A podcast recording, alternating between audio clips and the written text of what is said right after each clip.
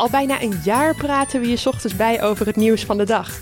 Met dank aan jou als luisteraar zijn we nu genomineerd in de categorie Beste Nieuwspodcast van Nederland van de Dutch Podcast Awards.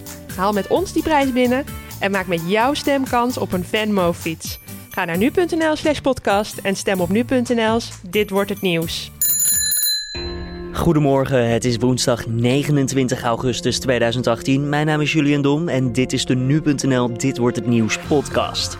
Vandaag aandacht voor het misbruiksschandaal binnen de katholieke kerk. Dit nadat de paus werd beschuldigd dat hij zelf een misbruikzaak zou hebben stilgehouden. Ik, ik denk dat er maar één persoon is en dat is die Vigano die uh, uit de school klapt op dit moment. En dat is hoogst uitzonderlijk. Het is niet zo dat je hele grote aantallen kardinalen en aartsbisschoppen hebt die, die op dit moment openheid van zaken willen geven. En de politie staakt in Eindhoven voor een betere CAO. We praten daarover met de politievakbond ACP.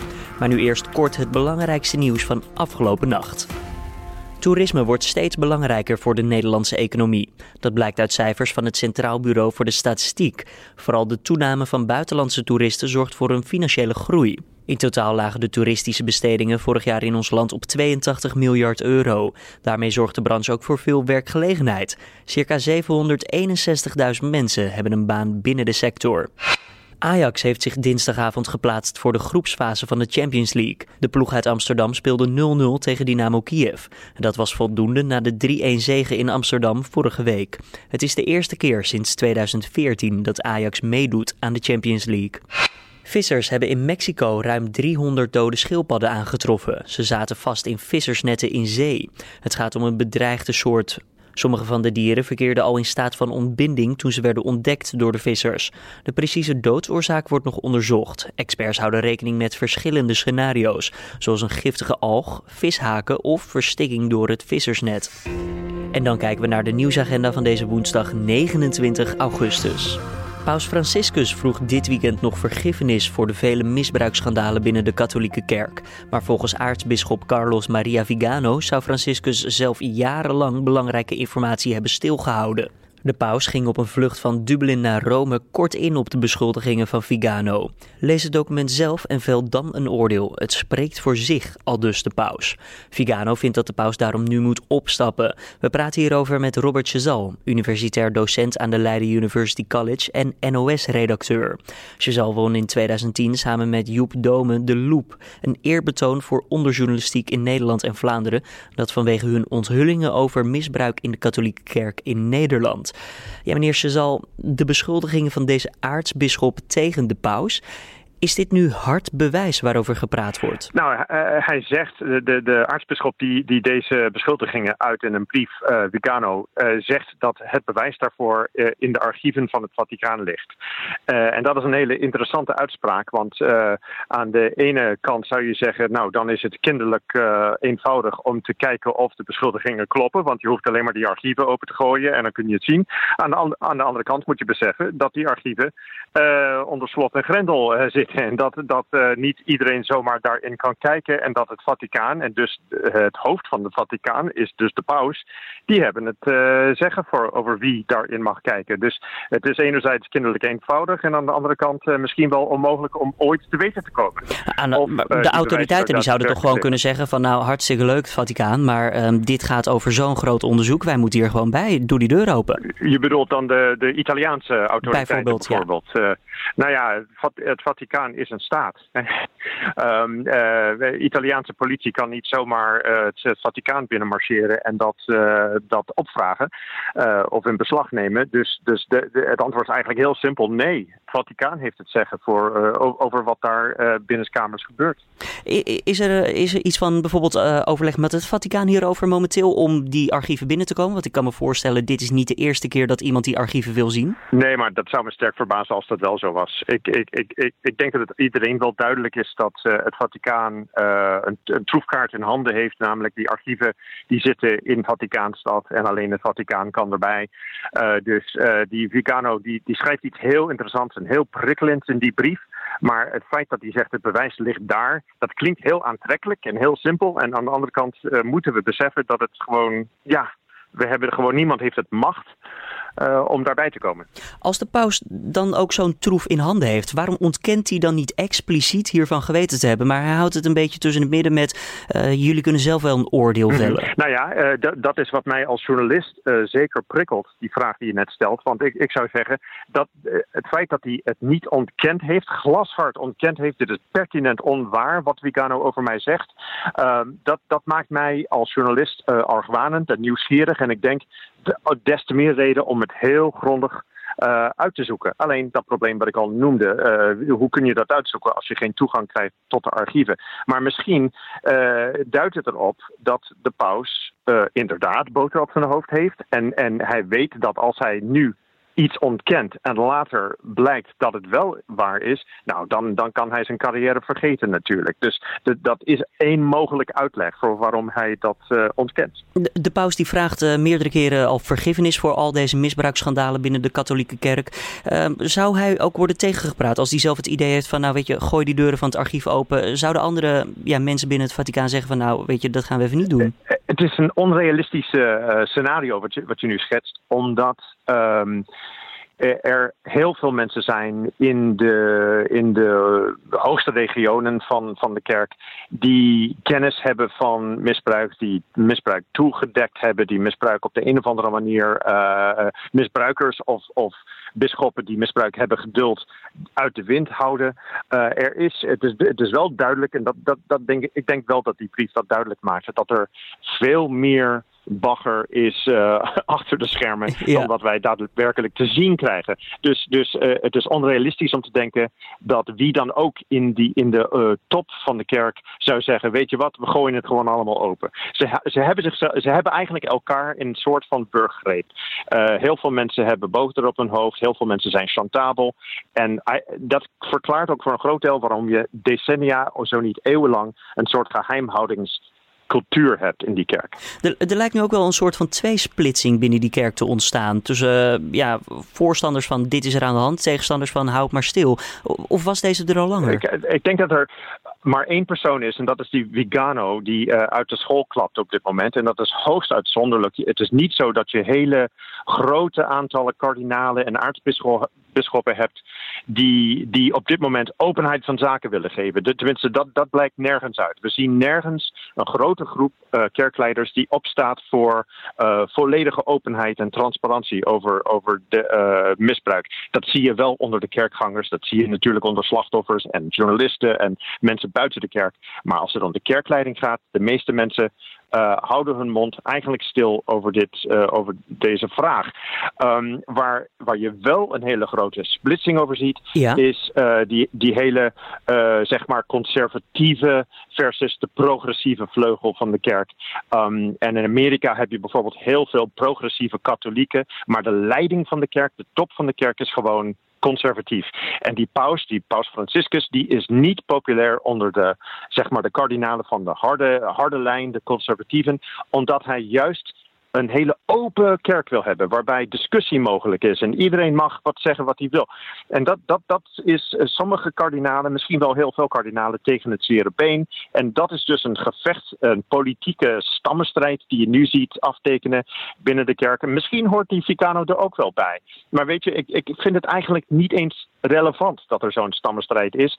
Als er sprake is van een paus die een misbruiker vijf jaar lang beschermd heeft, dan is het absoluut niet relevant of die paus nou conservatief of progressief is. En, en of die aanklager, die, die Vigano, een conservatief is die een progressieve paus wil wippen. Het maakt niet uit als het om misbruik gaat, is het gewoon een misdrijf. Aartsbisschoppen, mogen die het archief in? Zouden die bijvoorbeeld iets kunnen lekken? Stel, uh, zo'n Vigano zou daar binnenkomen. ja, nou, maar daar heb je dus misschien een heel goede verklaring voor waarom uh, zo'n paus uh, niet glashard ontkent omdat hij misschien niet alle touwtjes in handen heeft. Misschien zijn er brieven in omloop en allemaal archiefstukken die niet achter slot en grendel zitten, maar juist in handen van kardinalen en bisschoppen en mensen die, die iets, die, uh, zeg maar iets, op een, uh, iets tegen Paus Franciscus hebben. Ik denk dat Paus Franciscus eigenlijk een soort van, ja, hoe zeg je dat? Zo'n zo heel dun lijntje moet betreden en heel voorzichtig moet zijn in wat hij zegt, omdat ja, hij heeft veel vijanden. En die mensen kunnen wel bewijs in handen hebben. Maar het is wel, het is wel speculatie. Ja, precies. Is, is, is, het bijvoorbeeld realistisch dat aartsbisschop Carlos Maria Vigano zegt van nou, weet je, Paus Franciscus moet opstappen? Kan dat? Ja, uh, hij kan dat zeggen. En paus Franciscus kan opstappen, dat weten we, omdat vijf jaar geleden uh, een paus opgestapt is, paus Benedictus. Dus we weten dat het mogelijk is. Maar uh, ik weet niet of je dat je nog herinnert. Maar vijf jaar geleden, toen Benedictus opstapte, was dat wel voor het eerst in de 600 jaar dat dat gebeurd was. zes eeuwen lang hebben pauzen uh, eigenlijk geregeerd totdat zij stierven. en het is hoogst ongebruikelijk. het zou nou ja, ik, denk dat je dan zou kunnen spreken van een, een, een ware nou ja, revolutie, een omkering van ongekende proporties als weer een paus zou opstappen. Ik, ik hou het bijna niet voor mogelijk dat het nog een keer gebeurt. Als laatste vraag, meneer Chazal. Um, ja, mm. Is mm. Paus Franciscus nog wel de geschikte man om de katholieke kerk weer in een beter daglicht te zetten dan nu? Met dit, al deze schandalen, alles om hem heen. Dan zou hij beter mm. misschien toch de eer aan zichzelf kunnen houden, toch? Ja, um, lastig. Uh, kijk, ik, ik, zoals, ik, zoals ik het bekijk, uh, uh, heel veel kardinalen zullen dezelfde problemen of, of nog ernst, ernstiger problemen voor hun kiezen krijgen als zij op die troon zitten. Ik denk niet dat uh, Paus Franciscus uh, de perfecte persoon is voor die plek, maar ik denk niet dat die persoon, wel dat die persoon eigenlijk bestaat. Het is namelijk een hele ingewikkelde organisatie, een heel ingewikkeld instituut met heel veel tegenstellingen intern, uh, heel veel stammenstrijden heel, en natuurlijk dit gigantische probleem van misbruik. Uh, en ik denk dat Pas Franciscus, ja, ik bedoel, ik, kan wel mijn persoonlijke mening over hem geven. Ik ben niet eens katholiek trouwens, dus mijn mening doet er niet toe. Maar. Um, maar het, is, het lijkt mij iemand die misschien wel van goede wil is. Maar ja, uh, het kan zijn dat er dingen over hem uh, ja, zullen blijken die ik nu niet weet. En, en daarom vind ik het dus heel moeilijk om, om een oordeel te vellen. Ik denk niet dat, um, dat er uh, iemand rondloopt die beter is. Ik denk dat de situatie, de context van die katholieke kerk, geteisterd door schandalen en intern tot het bot verdeeld, dat die context bijna een onregeerbare context is. Robert Chazal hoorde je, universitair docent aan de Leiden University College en NOS-redacteur. De politie voert woensdagavond actie in de binnenstad van Eindhoven voor een betere CAO. De binnenstad wordt, tussen aanhalingstekens, afgesloten omdat de politie naar eigen zeggen de veiligheid daar niet meer kan garanderen. Op verschillende plekken in de stad wordt de toegang tot het centrum beperkt en vertraagd. Dat terwijl PSV thuis tegen Bate Borisov speelt in de laatste voorronde van de Champions League. We praten verder over de actie met Gerrit van den Kamp van de politievakbond ACP. Ja, meneer van den Kamp, het centrum afsluiten. Ik zou even de toegang beperken en vertragen. Kan je toelichten wat jullie precies hiermee bedoelen? Het houdt in dat wij uh, woensdag op een aantal plekken aan de rand van het centrum uh, zullen staan met onze collega's. Daar zullen we uh, de toegang tot de stad vertragen. En die mensen zullen folders uitgedeeld krijgen om daar te laten zien dat wij actie voeren en waarom wij actie voeren. En dat dat ook te maken heeft met de veiligheid van de binnensteden. En dat is in Eindhoven uh, ook een probleem. Uh, want de burgemeester daar die heeft dat ook al vaker te kennen gegeven. Dat ook hij ziet dat hij te weinig politiemensen beschikbaar heeft voor zijn binnenstad. Uh, dus dat past daar goed bij. En hebben we het dan over bijvoorbeeld van twee wegen één strook maken... of gewoon hekken neerzetten in de binnenstad? Waar moeten we aan denken? Dat gebeurt op verschillende manieren woensdag. Dan zullen we daar mogelijk met pilonnen of mogelijk met voertuigen de toegang versmallen. Uh, en uh, waardoor mensen wat minder snel de stad in kunnen. Uh, dat we daadwerkelijk hun nou ja, kunnen vertellen wat er nu aan de hand is met de politie. Dat het ons gaat om meer capaciteit.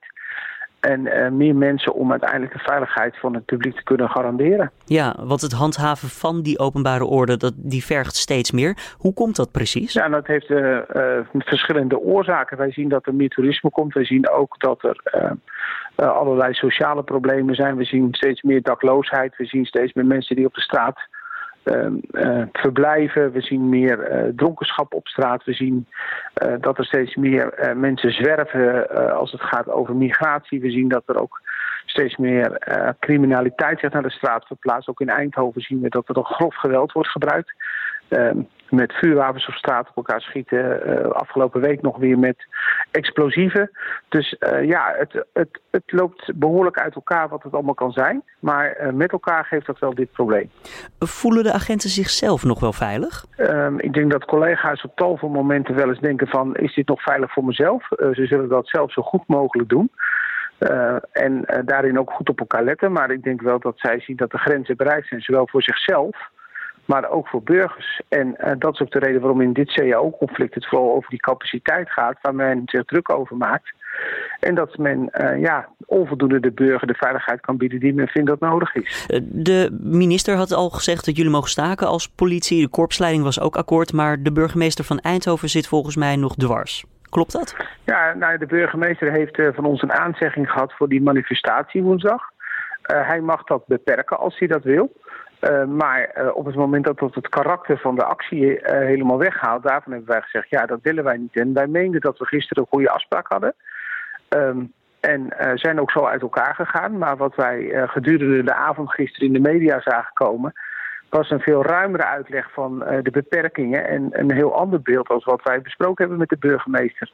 En daar is nu uh, conflict over. Dat betekent dat wij op dit moment met juristen, zowel aan de kant van de vakbonden, maar ook aan de kant van de gemeente aan het kijken zijn. Uh, hoe gaan we nu verder? Willen wij dit zo of ehm, gaan we dit aan laten komen op een kort geding. En tot op dit moment weet ik niet waar we nu staan. Uh, er vindt nog steeds overleg plaats. Ja, dan even de gesprekken, de CAO-onderhandelingen. Er was een bod voor een verhoging van het loon met 7 procent. Uh, volgens mij, als ik het goed heb, jullie wilden 8 procent. Uh, waarom kan er niet gepraat worden over dat verschil, maar moet er gestaakt worden? Nou, deze CAO-onderhandelingen gaan in belangrijke mate over de organisatie van de politie zelf. Gebrek aan capaciteit, de manier waarop het allemaal bedacht is, die werkt onvoldoende voor de collega's. En daar willen ze echt veranderingen hebben. We zien hoog ziekteverzuim.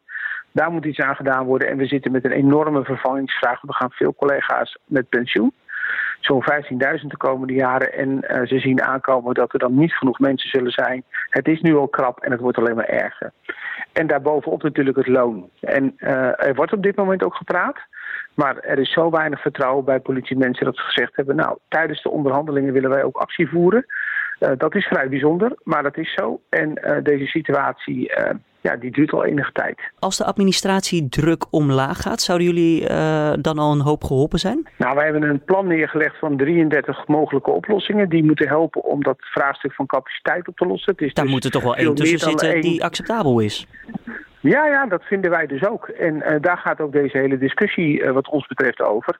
En uh, nou ja, wij hebben heel lang uh, de weerstand gezien vanuit de politietop zelf. Dat men zoiets had, ja, maar er moet vooral flexibeler gewerkt worden.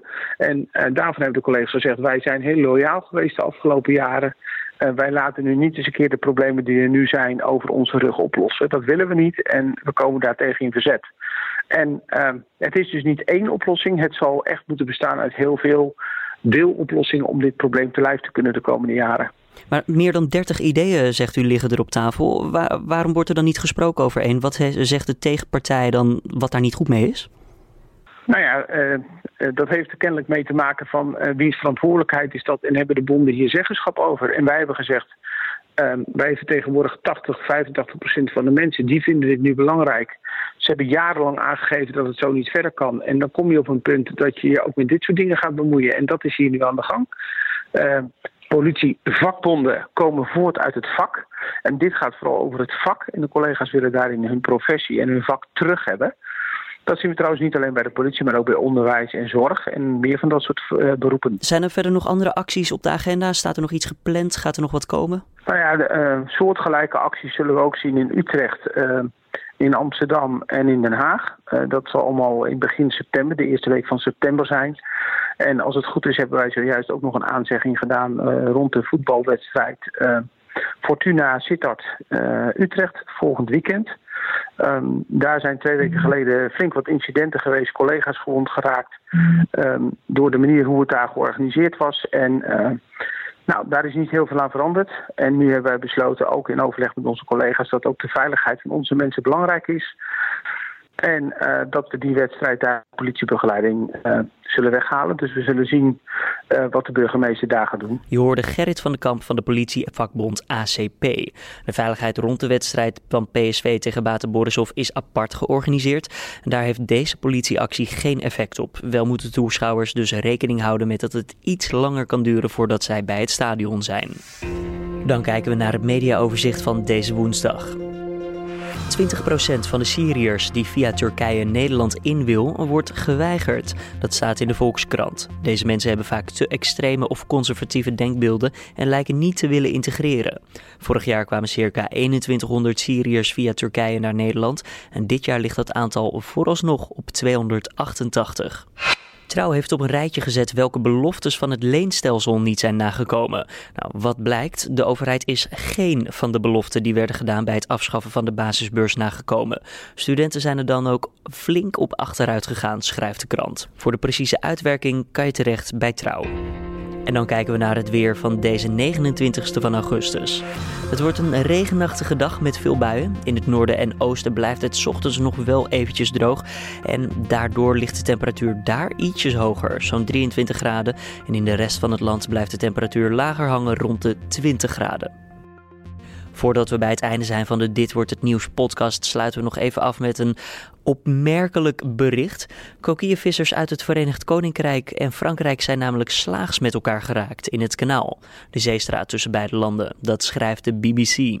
Britse schepen mogen het hele jaar door vissen op kokieën en dat gebeurt op zo'n 20 kilometer afstand van de Franse kust. Dat terwijl de Franse vissers slechts aan de slag mogen vanaf 1 oktober. Een oneerlijke regel, al dus de Fransen, die met een klein armada van zo'n 40 boten de Engelsen hebben weggejaagd. Dat deden ze door te gooien met stenen en soms zelfs door de boten tegen elkaar te laten botsen. De Britse vissers hebben ondertussen bescherming aangevraagd bij de autoriteiten om toch zonder gevaar op coquilles te kunnen vissen. Dit was dan de Dit wordt het nieuws podcast van deze woensdag 29 augustus. Je vindt de podcast maandag tot en met vrijdag om 6 uur ochtends op nu.nl. Je kan ook nog steeds stemmen bij de Dutch Podcast Awards op de Dit wordt het nieuws podcast. Help ons alsjeblieft die prijs te pakken en maak kans op een nieuwe fiets. Wat vond je van deze uitzending? Laat het ons ook weten via feedback@nu.nl of laat een reactie achter in je favoriete podcast app. Mijn naam is Julian Dom en voor nu een goede woensdag en tot morgen.